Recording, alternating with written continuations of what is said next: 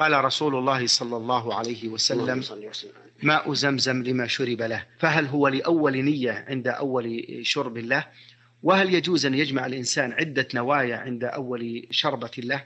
هذا الحديث إسناده حسن ولكن ما معنى قوله صلى الله عليه وعلى آله وسلم ماء زمزم لما شرب له؟ هل المراد العموم وأن الإنسان إن شربه لعطش صار ريان أو لجوع صار شبعان أو لجهل صار عالما؟